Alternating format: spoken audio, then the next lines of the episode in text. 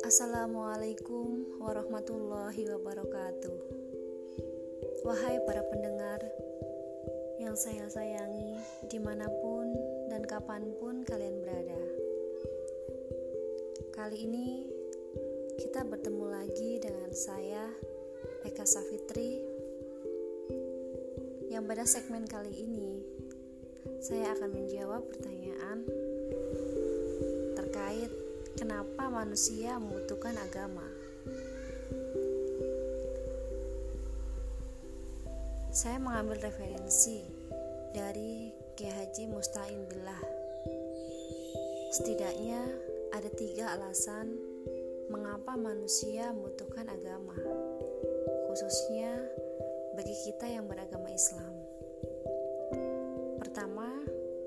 Manusia diciptakan oleh Allah dalam dua komponen, yaitu jasad dan ruh. Dua komponen itu harus ada dalam diri manusia. Kalau hanya salah satunya, itu bukan manusia namanya.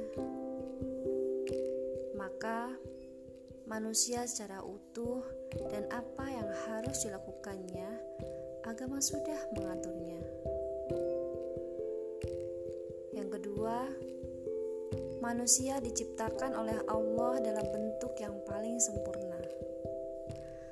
Karena manusia sudah sangat sempurna dari sisi bentuk fisiknya, maka tentu harus pandai bersyukur.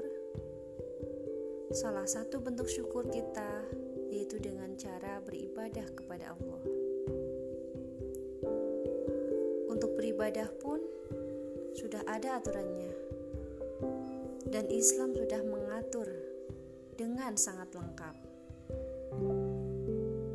Yang ketiga, manusia diciptakan oleh Allah untuk menjadi khalifah atau pemimpin. Semua manusia adalah khalifah sesuai dengan tingkatannya. Untuk menjadi pemimpin yang baik, pasti butuh panduan. Islam pun sudah menyiapkan panduannya secara detail.